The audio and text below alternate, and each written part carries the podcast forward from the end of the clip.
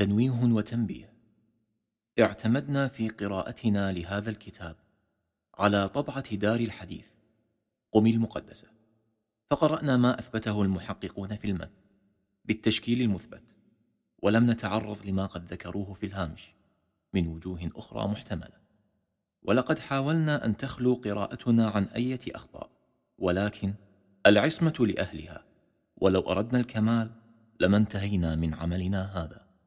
والعذر عند الكرام مقبول. نسأل من الله القبول والتوفيق. إنه سميع مجيب.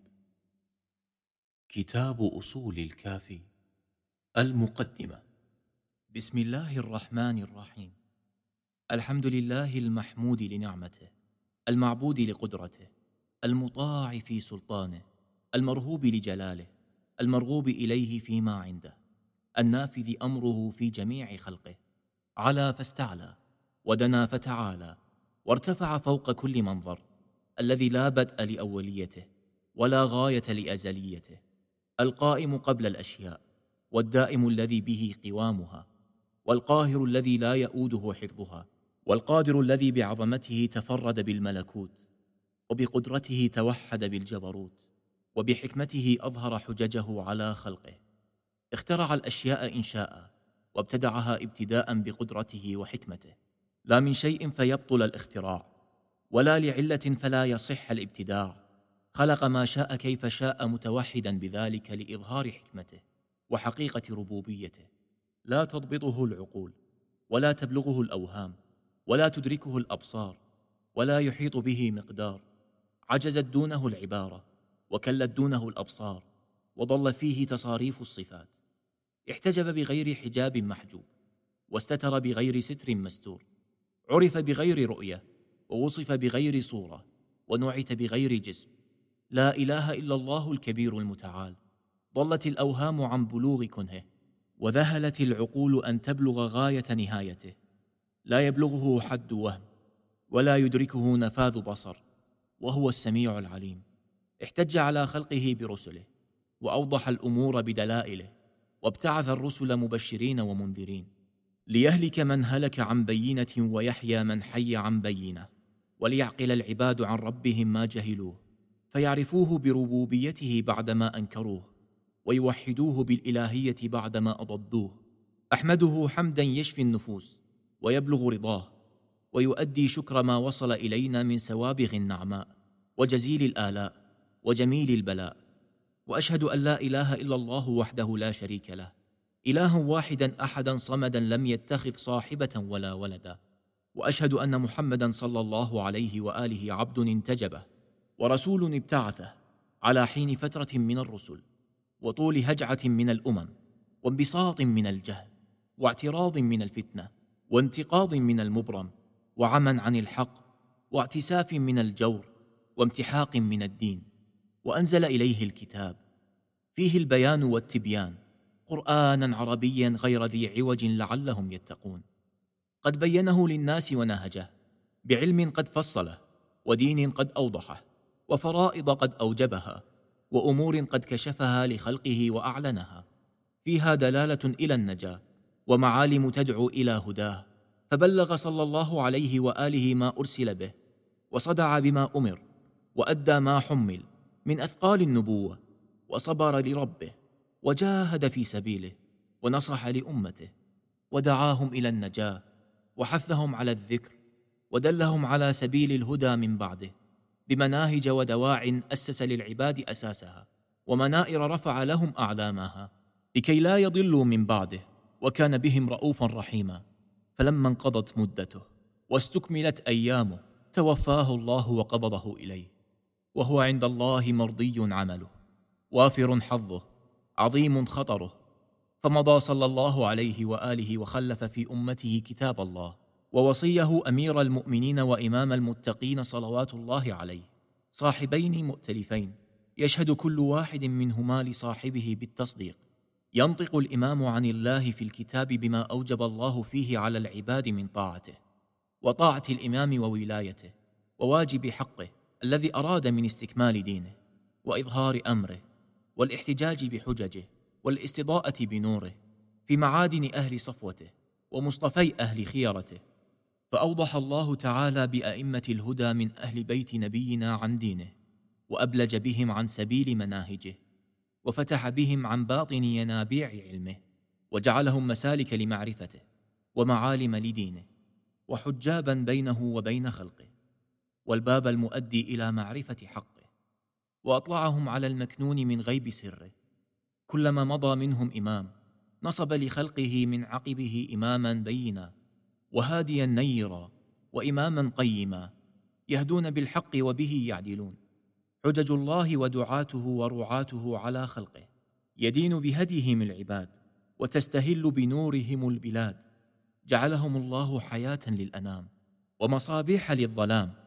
ومفاتيح للكلام ودعائم للإسلام وجعل نظام طاعته وتمام فرضه التسليم لهم فيما علم والرد إليهم فيما جهل وحظر على غيرهم التهجم على القول بما يجهلون ومنعهم جحد ما لا يعلمون لما أراد تبارك وتعالى من استنقاذ من شاء من خلقه من ملمات الظلم ومغشيات البهم وصلى الله على محمد وأهل بيته الأخيار الذين أذهب الله عنهم الرجس وطهرهم تطهيرا.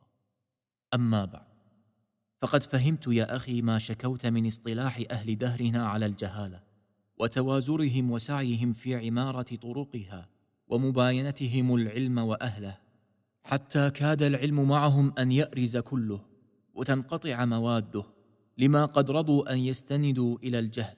ويضيعوا العلم وأهله. وسألت هل يسع الناس المقام على الجهالة والتدين بغير علم إذ كانوا داخلين في الدين مقرين بجميع أموره على جهة الاستحسان والنشوء عليه والتقليد للآباء والأسلاف والكبراء والاتكال على عقولهم في دقيق الأشياء وجليلها. فاعلم يا أخي رحمك الله. أن الله تبارك وتعالى خلق عباده خلقة منفصلة من البهائم في الفطن والعقول المركبة فيهم محتملة للأمر والنهي وجعلهم جل ذكره صنفين صنفا منهم أهل الصحة والسلامة وصنفا منهم أهل الضرر والزمانة فخص أهل الصحة والسلامة بالأمر والنهي بعدما أكمل لهم آلة التكليف ووضع التكليف عن أهل الزمانة والضرر. إذ قد خلقهم خلقة غير محتملة للأدب والتعليم وجعل عز وجل سبب بقائهم أهل الصحة والسلامه وجعل بقاء أهل الصحة والسلامة بالأدب والتعليم. فلو كانت الجهالة جائزة لأهل الصحة والسلامة لجاز وضع التكليف عنهم وفي جواز ذلك بطلان الكتب والرسل والآداب. وفي رفع الكتب والرسل والآداب فساد التدبير والرجوع إلى قول أهل الدهر. فوجب في عدل الله عز وجل وحكمته أن يخص من خلق من خلقه خلقة محتملة للأمر والنهي بالأمر والنهي لئلا يكونوا سدى مهملين وليعظموه ويوحدوه ويقروا له بالربوبية وليعلموا أنه خالقهم ورازقهم. إذ شواهد ربوبيته دالة ظاهرة وحججه نيرة واضحة وأعلامه لائحة تدعوهم إلى توحيد الله عز وجل وتشهد على أنفسها لصانعها بالربوبية والإلهية لما فيها من آثار صنعه وعجائب تدبيره فندبهم إلى معرفته لئلا يبيح لهم أن يجهلوه ويجهلوا دينه وأحكامه لأن الحكيم لا يبيح الجهل به والإنكار لدينه فقال جل ثناؤه ألم يؤخذ عليهم ميثاق الكتاب أن لا يقولوا على الله إلا الحق؟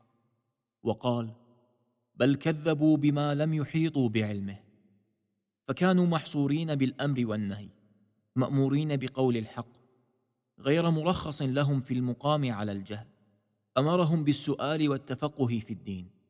فقال عز وجل فلولا نفر من كل فرقة منهم طائفة ليتفقهوا في الدين. ولينذروا قومهم إذا رجعوا إليهم. وقال فاسألوا أهل الذكر إن كنتم لا تعلمون. فلو كان يسع أهل الصحة والسلامة المقام على الجهل لما أمرهم بالسؤال. ولم يكن يحتاج إلى بعثة الرسل بالكتب والآداب وكانوا يكونون عند ذلك بمنزلة البهائم ومنزلة أهل الضرر والزمانه ولو كانوا كذلك لما بقوا طرفة عين.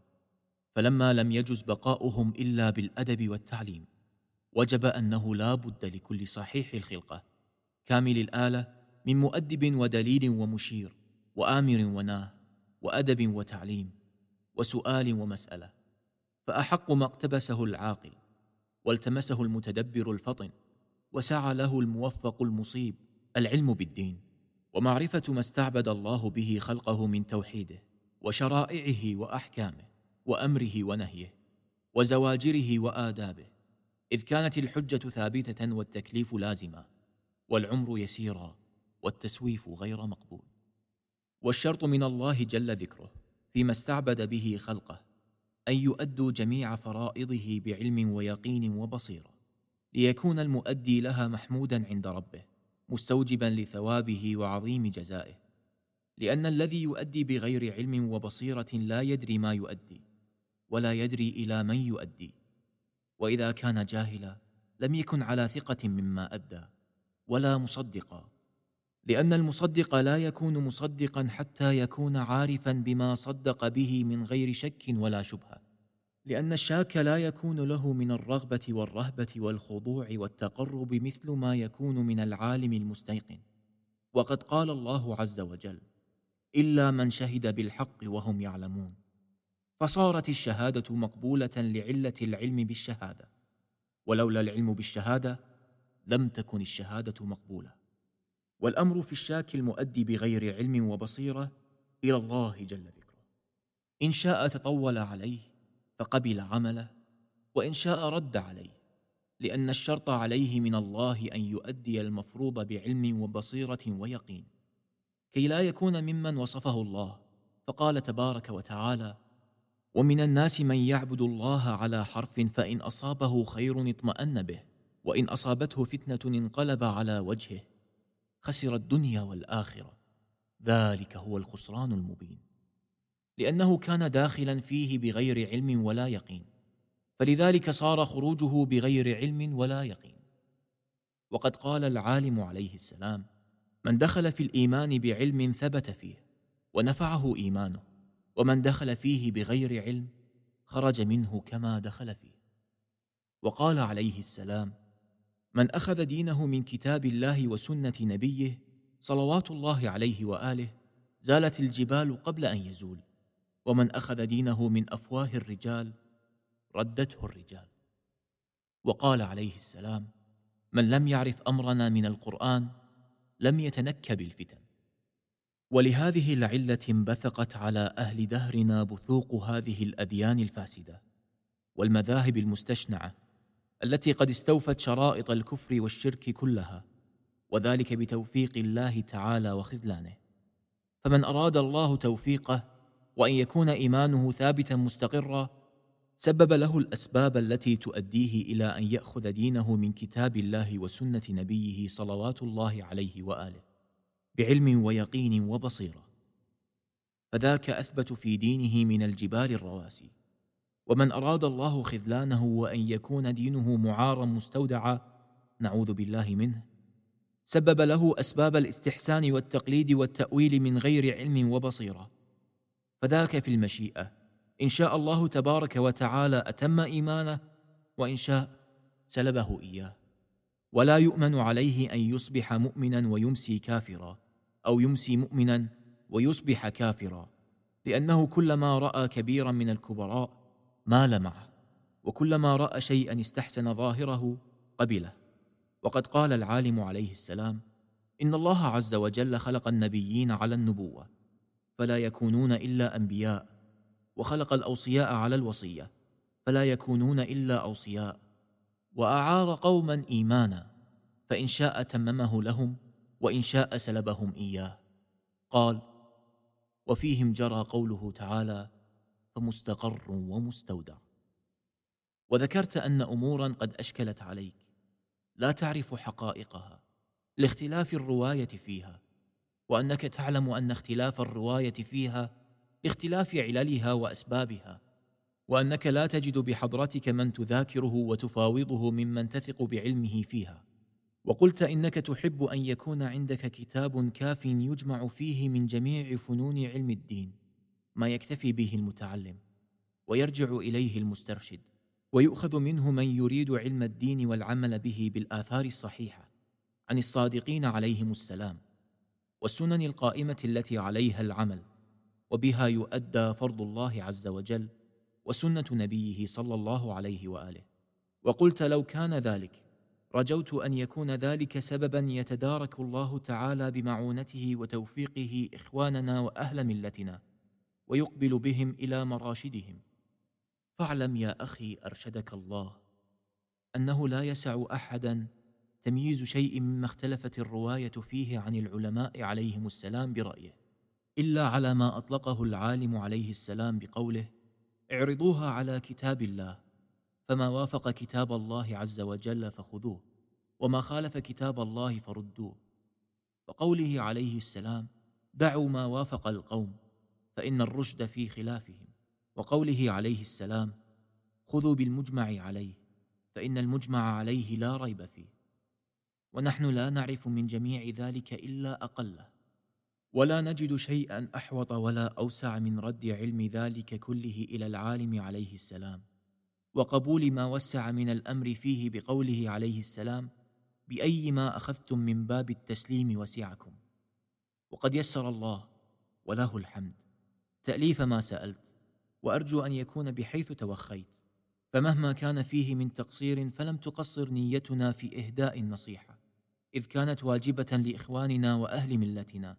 مع ما رجونا أن نكون مشاركين لكل من اقتبس منه وعمل بما فيه في دهرنا هذا وفي غابره إلى انقضاء الدنيا إذ الرب عز وجل واحد والرسول محمد خاتم النبيين صلوات الله وسلامه عليه وآله واحد والشريعة واحدة وحلال محمد حلال وحرامه حرام إلى يوم القيامة. ووسعنا قليلا كتاب الحجة وإن لم نكمله على استحقاقه لأنا كرهنا أن نبخس حظوظه كلها. وأرجو أن يسهل الله عز وجل إمضاء ما قدمنا من النية. إن تأخر الأجل صنفنا كتابا أوسع وأكمل منه. نوفيه حقوقه كلها إن شاء الله تعالى. وبه الحول والقوة. وإليه الرغبة في الزيادة في المعونة والتوفيق. والصلاة على سيدنا محمد النبي وآله الطاهرين الأخيار. وأول ما أبتدئ به وأفتتح به كتابي هذا كتاب العقل وفضائل العلم وارتفاع درجة أهله وعلو قدرهم ونقص الجهل وخساسة أهله وسقوط منزلتهم إذ كان العقل هو القطب الذي عليه المدار وبه يحتج وله الثواب وعليه العقاب والله الموفق.